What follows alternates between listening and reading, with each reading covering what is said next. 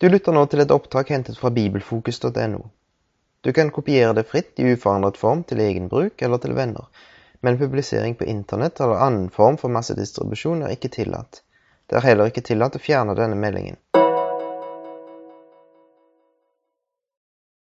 Ja, vi får fortsette litt sånn historietime. Det er på en måte det det er blitt uh, forsøk på å bare ta enkelte ting på veien Jesus hadde opp imot Jerusalem når han vendte ansiktet sitt mot Jerusalem. Det var jo slik at når han kom inn der, så holdt han mange taler, og han kom i diskusjoner med fariseerne og de skriftlærde, og de var jo ute etter å ramme han og ta han. Det står at i, i 2020 i Lukas at de vokta på han en tid, og de sendte noen for å lure han, eller lure på han. Disse skulle late som om de var rettferdige for å fange han i ord, slik at de kunne få overlate han til myndighetene og til landshøvdingens makt. Og så spekulerte de ut den ja, Er det noen spørsmål som er mer utspekulert og intrikat enn dette spørsmålet om å gi keiseren skatt? Jeg, jeg vet ikke om historien kjenner noen større utfordringer enn det spørsmålet der. Og det var et spørsmål som var helt umulig å svare på. Helt umulig. Men han gjorde det med en sånn eleganse at du kan bare sitte og gispe. Og så var det noen som het sadukeer eller saduseere, de som nekta at det er en oppstandelse. Og da ble enda til fariseerne, som faktisk trodde på en oppstandelse, enda til de ble imponerte. De skriftlærde ble imponerte. Så det å tro at det ikke er noe oppstandelse, er for så vidt ikke noe ny sak. At det ikke er noe etter døden. Det er ikke noe ny sak. Det er en gammel sak. Men Jesus han svarte også på det spørsmålet når han sa at Gud er de levendes Gud, og det står skrevet Gud, eh, han er Abrahams og Isaks og Jakobs Gud. Konklusjonen er altså de lever. Det er en oppstandelse. Så det var de mot han. Og når han spurte deg spørsmål, hva skjedde da? Kan du lese hva som skjedde når, når han spurte deg spørsmål? Da satt de der Hvordan skal De fant ikke noe svar. De ble svar skyldige. De ble stilt til veggs.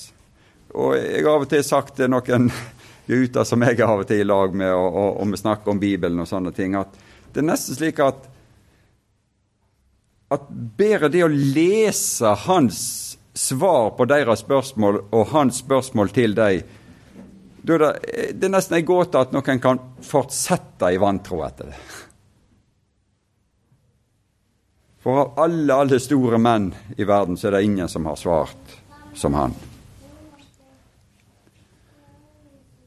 Så var han fortsatt i Jerusalem, og så er det to syn på Jerusalem. Jesus har ett syn på Jerusalem, på byen, og de har det stikk motsatte.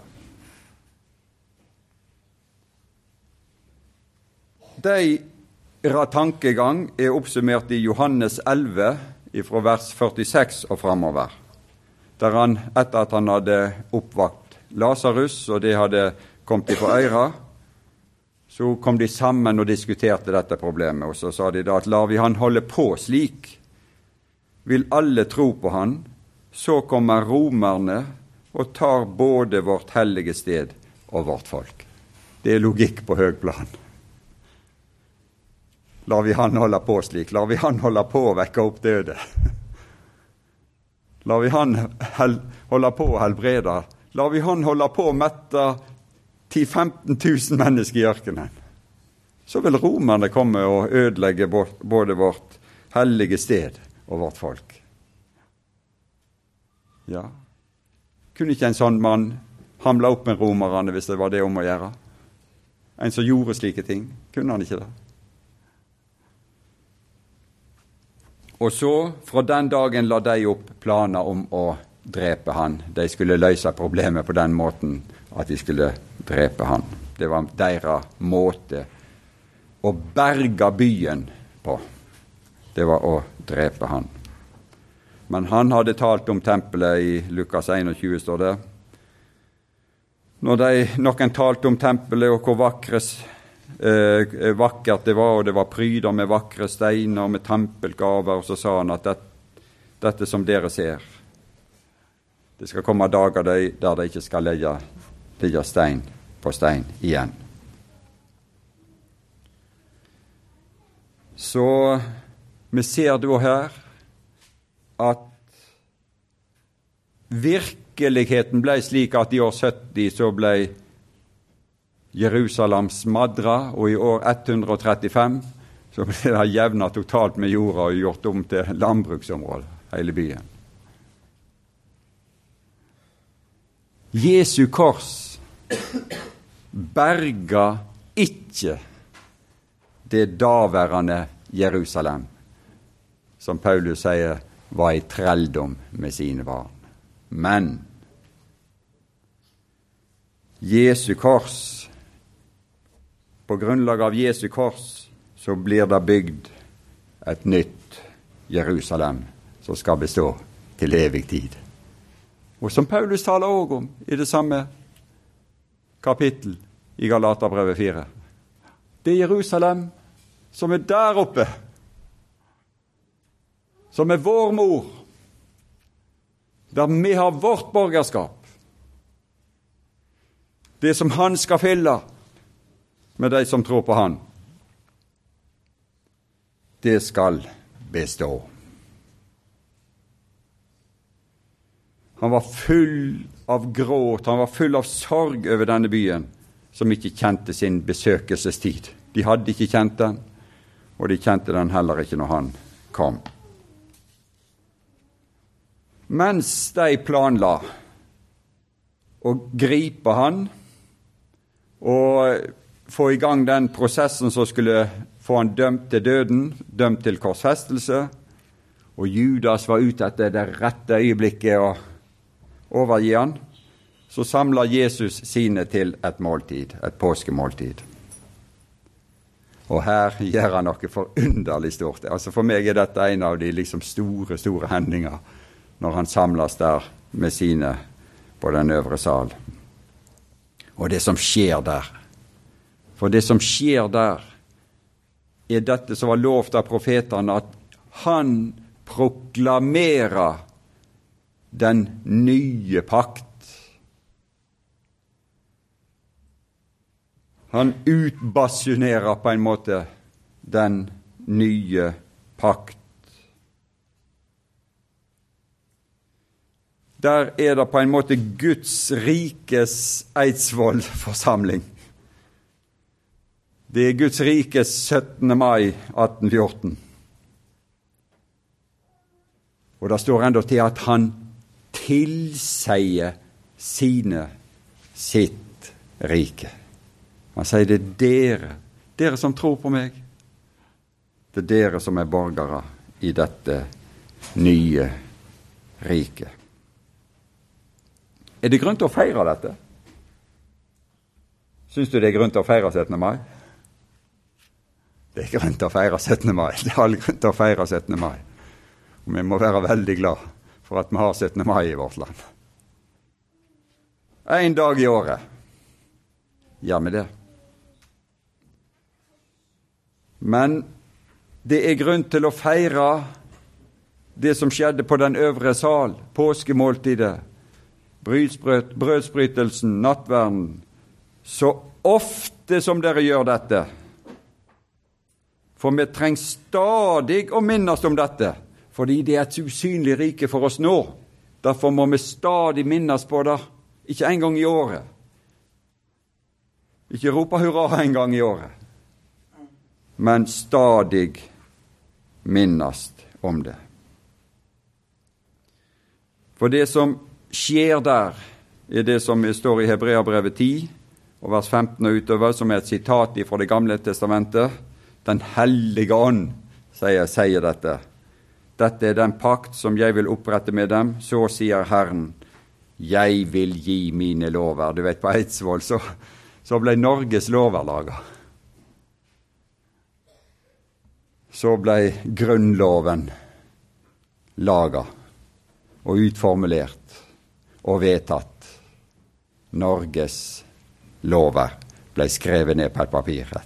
Og Det er sikkert verdifullt, det papiret i dag, som Norges lover ble skrevet ned på. Men her ble det òg skrevet lover. Jeg vil gi mine lover i deres hjerter og skrive dem i deres sinn. Det er den ene delen av den nye pakt. Paktens ord, om du vil. Men paktene hadde en annen ting. Det er noe som heter paktens blod. Og den er òg her. For den andre del av den nye pakt er deres synder og deres overtredelser vil jeg ikke mere komme i hu. Jeg sa her i går kveld at uh, Gud har en reisknapp på PC-en sin. Og den virker. Det er, det er et så overveldende bytte. Gud sier at hvis jeg får lov å skrive ting inn i ditt minne, så skal jeg slette det som jeg har skrevet om deg i mitt minne. Deres synder og deres overtredelser vil jeg slette ifra mitt minne. Og så vil jeg skrive mine lover inn i ditt minne. Det er vanskelig for oss å forstå dette. Det er vanskelig for oss å på en måte erfare og erkjenne dette. Fordi at vi minner så mye. Og så må vi ta en tur bort til Gud. Gå bort og se på hans PC. Kikke han over skuldra og se hva som står på hans PC. For ja, nei, du, du kan, ikke, kan ikke finne det der.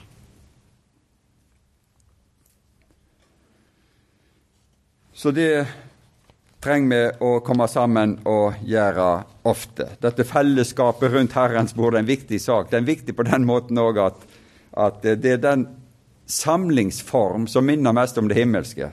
For der er det ingen predikanter, det er ingen liksom sånn nådegaver som er i aktivitet. Du skal slippe å høre på lange bibeltimer og sånne ting. For han, Gud Jesus har ordna det så viselig at han har sagt at det er brød og vin som skal være predikanter. Han vil ikke ha folk til å være predikanter der. For han, han, vil på en måte at dette skal minne om det himmelske, at det ikke skal være noen store og små sånn i den forstand. Og nådegaver og den, den, som, som, kan være så veldig forskjellige, og oppgaver som er så veldig forskjellige. Men rundt bordet der så er vi alle på samme nivå. Alle her er på samme nivå. Og det er det som er så godt. Og så Jesus. Det står at han, denne samlingen her gav enda til Jesus kraft og mot til å gå videre. Jeg har lengtet inderlig etter å ete dette påskemåltid sammen med dere før jeg lider. Det virker så liksom dette fellesskapet gav han på en måte mot til å gå videre. Og så ser han på denne gjengen rundt bordet.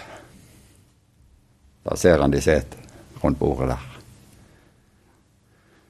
Og han visste det, at det bare var han som kunne frelse dem. Ingen andre. De som satt der. Skulle de bli frelst og ikke gå fortapt, så var det ingen andre i verden enn han som kunne gjøre det. De var fulle av feil. De var fulle av svakheter. Men de trodde på han, på tross av det, fordi han hadde sagt at det var ikke noen betingelse sånn sett for å tro på han. Og så sier han at Og så overgir han på en måte riket til deg. Enda de satt der og var så sjølopptatte, sånn som vi er. De var så forferdelig sjølopptatte sjøl den kvelden at de satt der og diskuterte hvem av oss er det som egentlig er den beste, den største den Det ble en trette blant de, står det enda til her. hvem av dem som skulle gjelde for å være størst. Det, det er kolossalt. det er kolossalt. Ja, der sto han og forberedte seg til å lide. Og der satt jeg, og det skulle gjelde for å være størst. Og så sa han til dem, men likevel overgir jeg dere rike, dere som har holdt ut sammen med meg i mine prøvelser.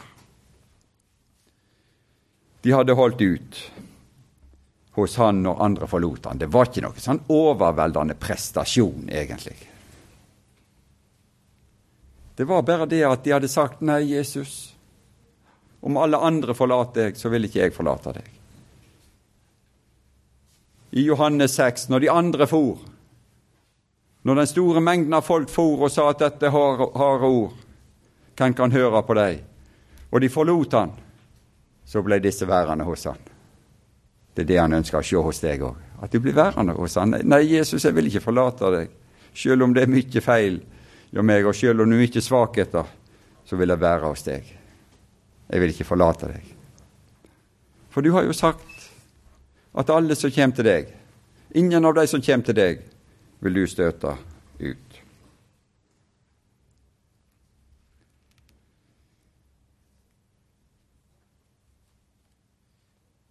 Jeg vet ikke hvis det blir sightseeing i himmelens rike om Gud har tatt vare på denne salen her, men det det er liksom sånn som jeg av og til sitter og uh, ligger og tenker på. at oi, oi, oi, Tenk om vi kommer opp der i himmelen, og så har Gud liksom tatt ut denne delen her og så flytta inn i, i et eller annet plass der oppe.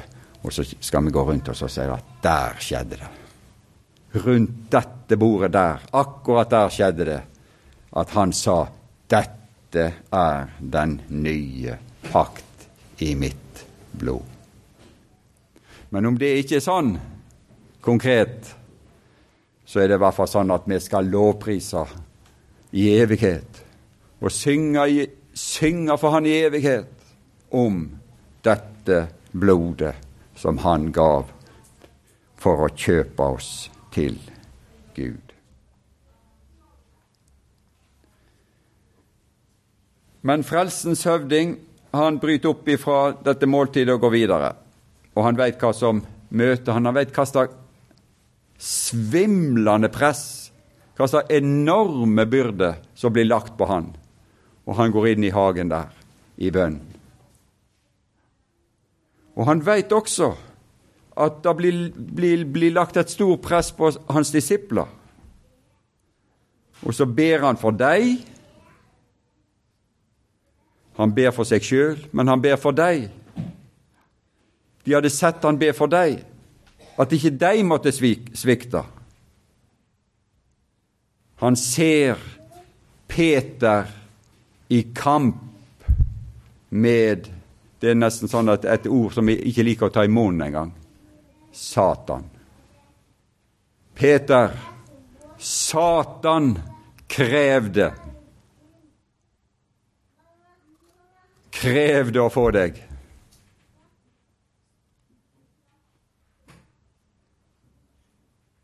Vi ser han i kamp mot Satan om disiplene sin tro og frelse. Når Satan gjør sine krav gjeldende, som han gjorde etter Peters fall. Hvordan skulle stakkars Peter takle et sånt krav? Satan krevde.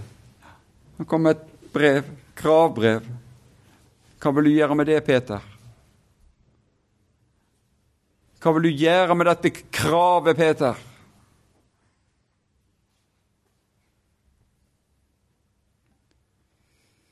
Men der ser Peter synet av han som ber. Han hadde sett Jesus be mange ganger før, men så ser han igjen dette synet når Jesus ber. Han kom Jesu ord i hus, står det. Det var slik at inni, inni den, uh, inni den uh, borggården der de sto og forhørte Jesus, så sto Jesus til forhør, omringa av soldater og av fariseere og skriftlærde og ypperste prester.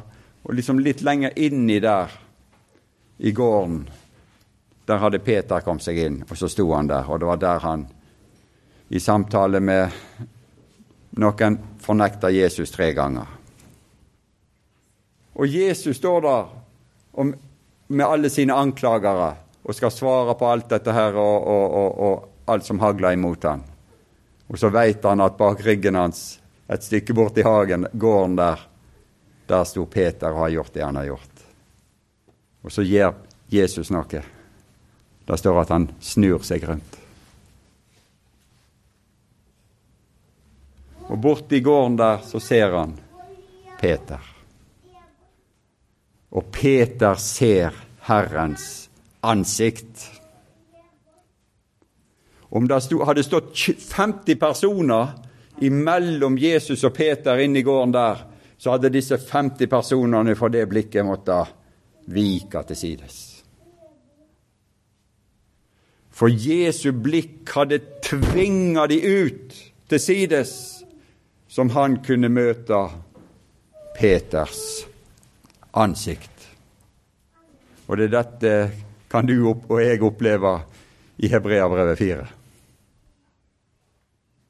Bare gå inn i siste versene i Hebreabrevet 4, så skal du oppleve dette. Alt er nakent og bart for hans øyne som vi har å gjøre med. Alt. Og Peter sto der i sitt sinn og erkjente alt. Han kom Herrens ord i hu. Han gråt bitterlig, står det. Men i Hebreabrevet 4, i fortsettelsen der, så står det ettersom det er like best eh, den Bibelen som jeg har å lese i, litt gammelmodig, og står kanskje litt annerledes i din. Ettersom vi da, der og da, når alt er nakent og bart for hans åsyn, øyne som vi har å gjøre med, ettersom vi da har en stor ypperste prest. Han kommer oss i møte. En som har medynk, en som ber for oss. Så holdt vi fast, står det, på bekjennelsen. Vi holdt fast på at på tross av dette er jeg en borger av Guds rike i kraft av Kristi verk. Og det er dette han vil lære oss. Og det er dette han vil at vi skal forstå, at han er slik, når vi er slik som Peter er.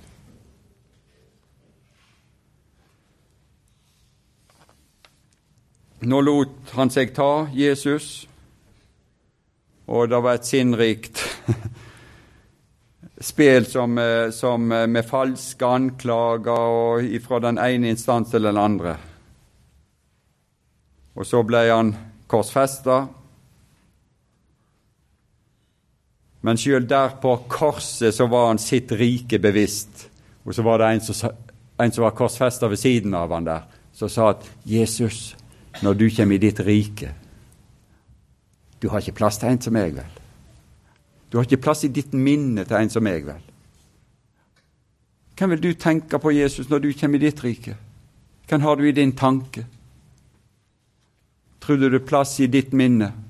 Tror du det er plass i ditt hjerte for meg der i ditt rike? Hvor stort hjerte og hvor stort minne tror du Jesus har? Hvor stor minnekapasitet har Jesus? Han har i hvert fall så stor minnekapasitet han sa at han kunne minnes denne. I dag skal du være med meg i paradis. Det er kapasitet over alle grenser. Og så rekrutterte han til det nye Jerusalem. Det ble en borger til i det nye Jerusalem mens han hang der. Vel, han ble korsfesta, han ble konstatert død, han ble begravd. Og eliten i Jerusalem Oi, oi, nå kunne de trekke seg tilbake og holde seiersfest. Godt arbeid, gutter. Endelig har vi berga byen ifra å der. Ved denne forfører. Og deres seier hadde hengt nærmest på utstilling der. Jesus korsfestet. Nå var han ute av bildet. Nå skulle byen leve videre. Nå skulle byen bli berga ifra romerne. Slik resonnerte de. De hadde gjort en bragd. Og det skulle ikke bli noe oppstandelse, verken på bokstavelig eller i overført betydning. For de hadde fått forsegla grava, så det lyste et segl mot det at her er det ingen som har adgang. Men denne grava, den lå i en rikmannshage. Det står en som ventet på Guds rike, står det om Josef av Arimathea. Han ventet på Guds rike.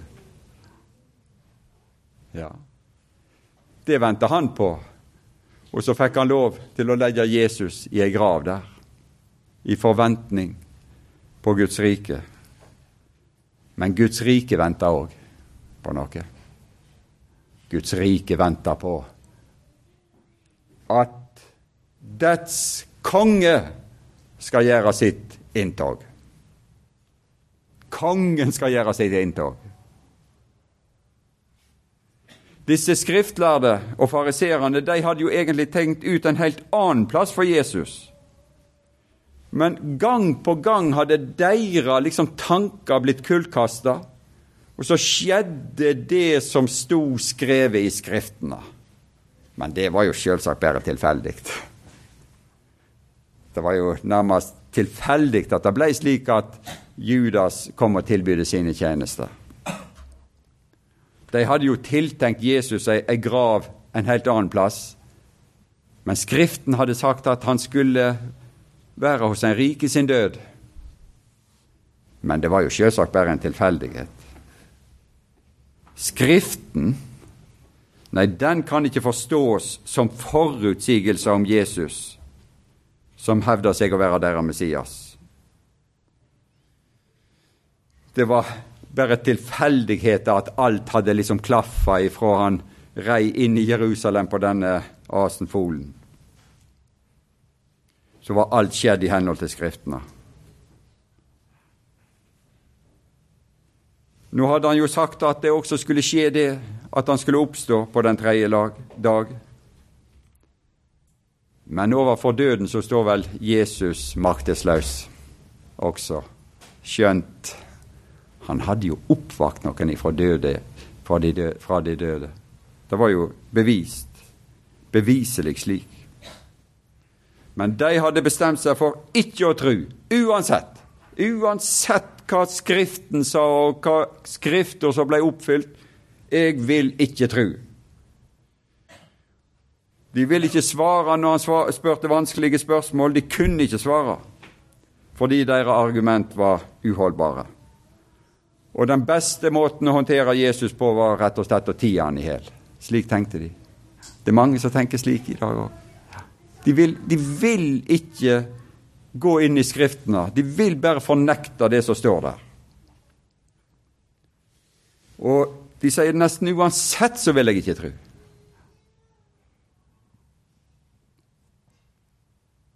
Men den tredje dag kom, og oppstandelsen var krystallklar. Og da ble panikk i leiren deres. Full panikk. Og så var det nye rådslagninger, så var det nye møter. Hva skal de nå gjøre? Jo, det, løsningen er veldig grei. Den er, den er evig gyldig, hadde han sagt. Det er penger og løgn som skal gjøre susen. Penger kombinert med løgn det er en veldig maktfaktor vår i verden opp gjennom tiden. Og den tok de i bruk her òg. Penger og løgn. Og de fikk disse her eh, soldatene gjennom penger og løgn til å si at noen av hans disipler hadde kommet om natten og stjålet han. Men det var noe de aldri, aldri, aldri kunne stanse ved penger og løgn. Budskapet om korset korset som de trodde skulle eliminere Jesus av historien. Det er budskapet. Ordet om korset og ordet om den oppstandende. Det kan aldri penger og løgn greie å stanse i verden. Og det har gått ut ifra Jerusalem og utover den ganske verden og kommet også til oss. Det har frelst millioner av sjeler. Og det har befolka det nye Jerusalem. Og det har oppreist millioner av mennesker dette herlige budskap om Jesu kors og hans oppstandelse. Hans lidelse og død. Og Vi ser der i Galaterbrevet 4, som jeg nevnte, så taler Paulus om det Jerusalem som er i trelldom med sine barn. Men det er et annet Jerusalem, som er der oppe, som er vår mor. For det står skrevet, sa han, fry dere, gled dere, juble. Og da siterer han ifra profeten Jesaja kapittel 54. Og eh, de aller minste her greier vel såpass regning at kapittelet før Jesaja 54 er Jesaja 53.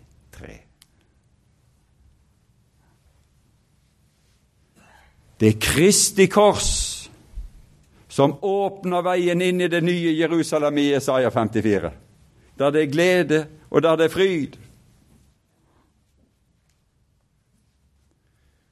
Ja, hvis vi leser i Efeserbrevet 5, så står det om du som er død, stå opp.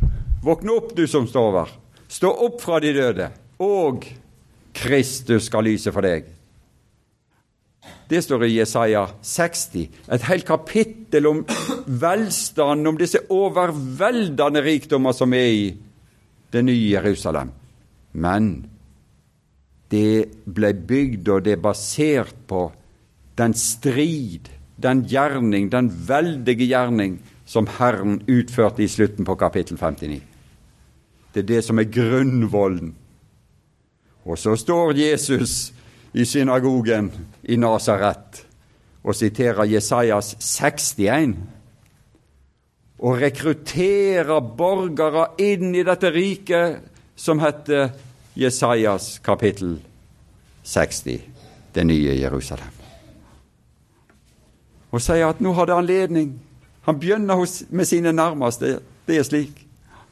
Han var jo oppvoksen i Nasaret. Han begynner med sine nærmeste. Han går til sine nærmeste først med dette budskap, for så å bre dette budskapet utover den hele verden.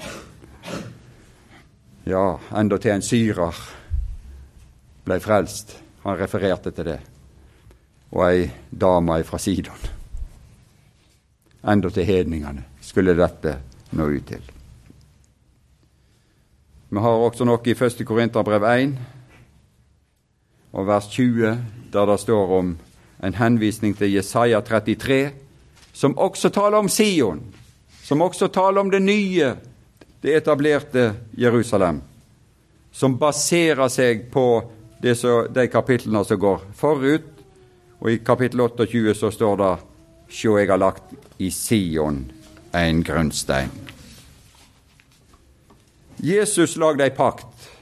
Jesus etablerte ei pakt, som vi så. Hvis vi går til Jesaja 28 vers 15, så ser vi at de hadde også ei pakt. De hadde også lagd ei pakt. Da står det at vi har gjort en pakt med døden og et forbund med dødsriket. Når den susende svepe farer frem, skal den ikke nå oss, for vi har gjort løgn til vår tilflukt og svik til vårt skjul. De hadde gjort ei pakt med døden. Jesu kors skulle eliminere Jesus sitt krav på Jerusalems trone. Jesu død skulle sette en stopper for Jesu krav på Jerusalems trone. Det er det det er snakk om der i Jesaja 28. hvem er det som skal ha tronen i Jerusalem?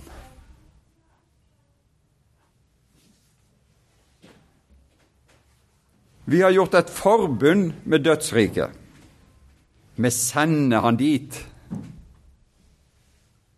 Så er hans trussel mot våre tanker og våre posisjoner borte. Når den susende svepe farer frem, skal den ikke nå oss. For deg konkret da i Jesaja 28 så var det Asyria som var trusselen. At det skulle komme asyrerherren skulle komme og ta Jerusalem. Nei, når den susende svepe farer frem, skal den ikke nå oss. Vi skal unngå at byen og folket og oss blir ødelagt. Og hvis vi flytter dette inn da i Jesu tid, skal bli ødelagt av romerne. Vi skal unngå det ved at vi har gjort ei pakt med døden og drept Jesus og sendt Jesus til død, dødsriket så skal vi unngå det og bli ødelagt av romerne. Vi har gjort løgn til vår tilflukt og svik. De hadde ved hjelp av korrupsjon, penger, falske vitnemål, falske anklager og en total svikt mot det som var deres oppgaver som ledere i Israel, nemlig å ivareta rettferdighet og sørge for at uskyldig blod ikke ble utgitt. Det var deres ansvar i henhold til loven. Hva kommer det ved oss ved, sa de når, når, når uh, Judas kom og sa 'Jeg har forrådt uskyldig blod'. Se du dertil. Vi bryr oss ikke om uskyldig blod. Det er en total fornektelse av den oppgaven som loven påla de, nemlig å ivareta rettferdighet og sørge for at uskyldig blod ikke ble utgitt.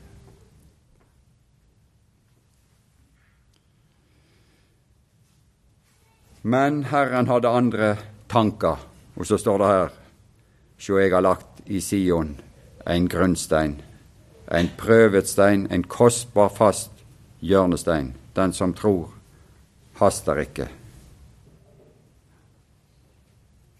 Han la en hjørnestein. Denne steinen som skal tåle tyngden av en veldig bygning, og som skal føye sammen denne bygningen, som heter menigheten.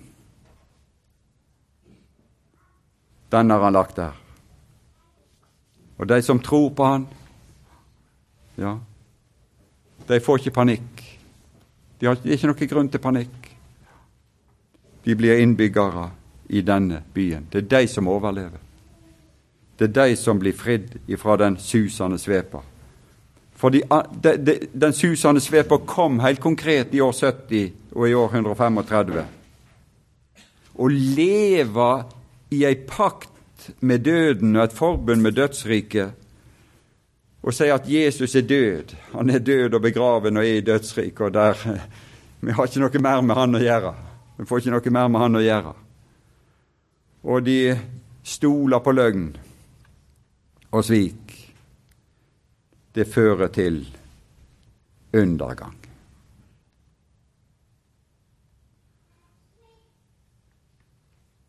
Men de som tror, ja, sjøl de svakeste Hvis du går da til Jesaja 33, der vi ser dette nye Sion, der Herren bor, så ser vi det at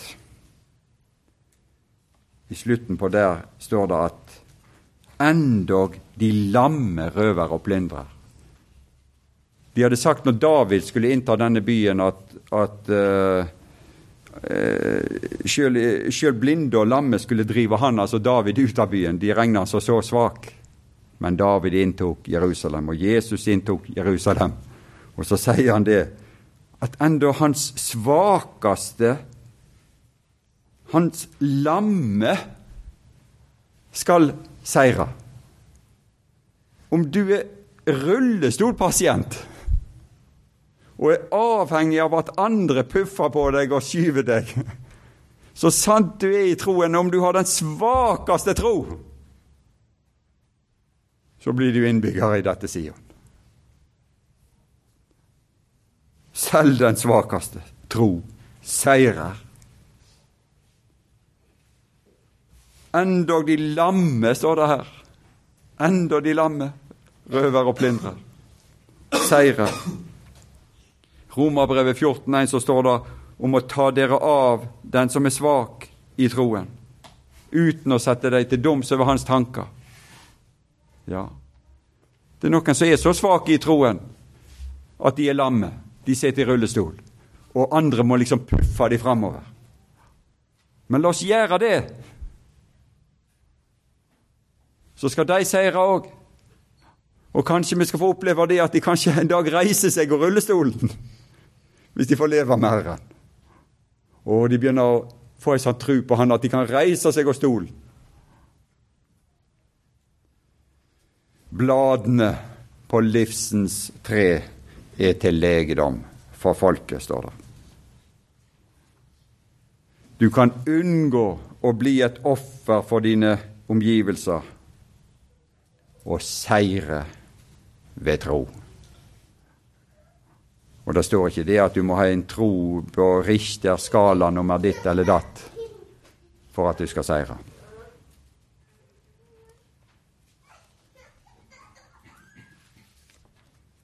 Før Jesus vendte sitt ansikt imot Jerusalem, så hadde han tatt med noen av sine opp på et høyt fjell, der i Lukas 9.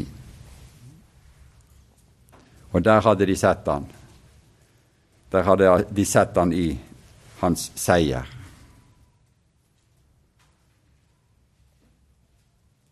Han hadde sagt at han skulle gå opp mot Jerusalem, han hadde sagt også at han skulle bli slått i hjel, og han hadde sagt at han skulle oppstå på den tredje dag. Han sa òg at de som ville følge han til herlighet, måtte ta opp sitt kors og følge han. De som vil berge sitt liv, skal miste det. Den som mister sitt liv for min skyld, sier han, skal berge det. Korset i Skriften er, er, er en slags yt, det, det, er den, på en måte den ytre ting for det som kalles for forbannelse. Forbannet er hver den som henger på et kors. Altså Korset er en slags ytre ting for forbannelse. Den som vil følge Han til herlighet, må ta opp sitt kors. Det, det er et vanskelig ord, da, egentlig. Men, no, eh, men når du går inn i Galaterbrevet 2, så ser du Paulus i slutten på kapittel 2 der tale om det skjedde en erkjennelse i han. Han har sett noe. Han har tatt imot noe. Han har Det står at han har ikke akta Guds nåde for ingenting. Men han har tatt imot Guds nåde og akta på Guds nåde og klynger seg til Guds nåde. Og så sier han 'Jeg er korsfestet med Kristus'.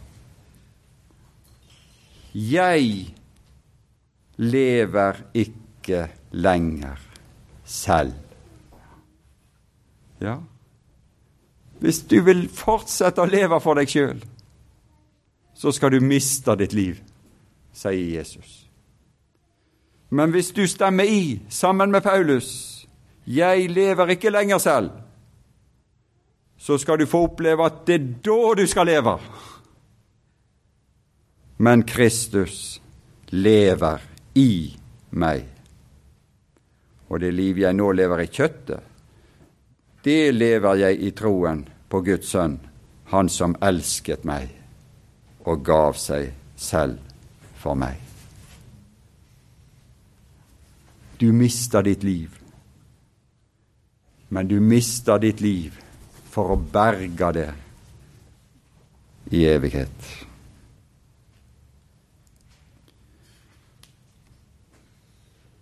Jesus tok med seg Peter, Johannes og Jakob opp der, og så så de hans ansikt og hans klær bli forandra. Hans klær ble skinnende. Hva var det som skjedde? De så han slik han virkelig var.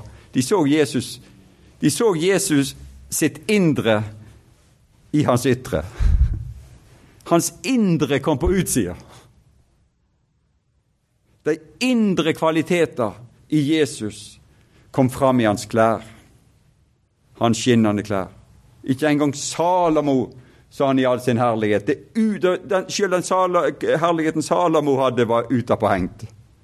Men liljene på marken, den har sin herlige kledning som en innvevd del av sjølve sin skapelse. Og disse klær er en innvevd del av han sjøl.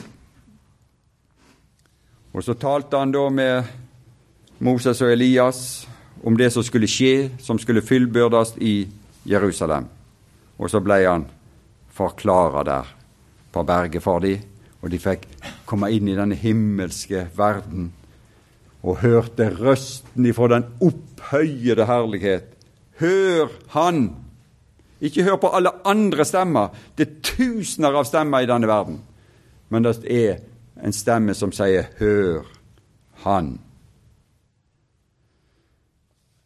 Vi har en annen i apostelgjerningene 12, så kan du lese om en annen tildragelse. Der var det òg en konge. Og han hadde gjort ei god gjerning, syntes han, som han måtte feire.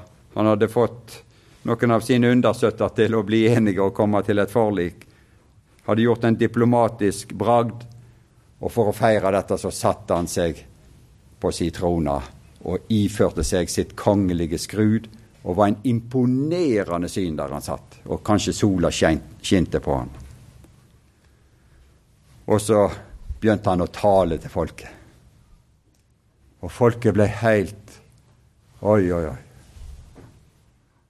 Dette er ikke et menneskes røst. Dette er Guds røst. Jeg vet ikke om Peter var i flokken som hørte. Peter hadde jo sluppet ut av fengselet.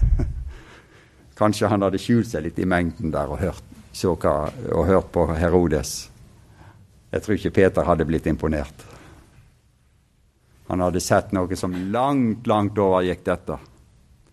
Og så står det at fordi han ikke ga Gud æren, så kom det en engel ned og slo han.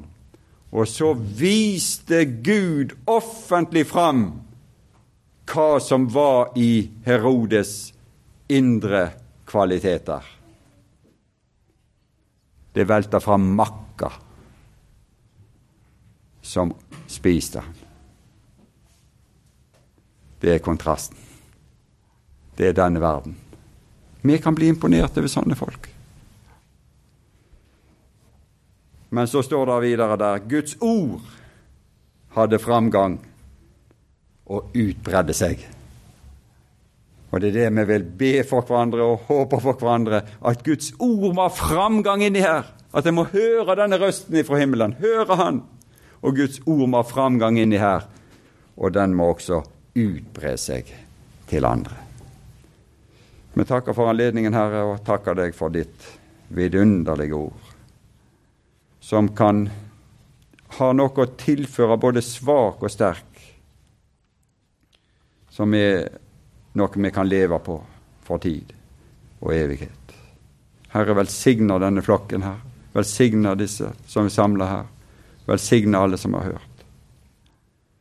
Og at de kan få liksom smaken på ditt vidunderlige ord.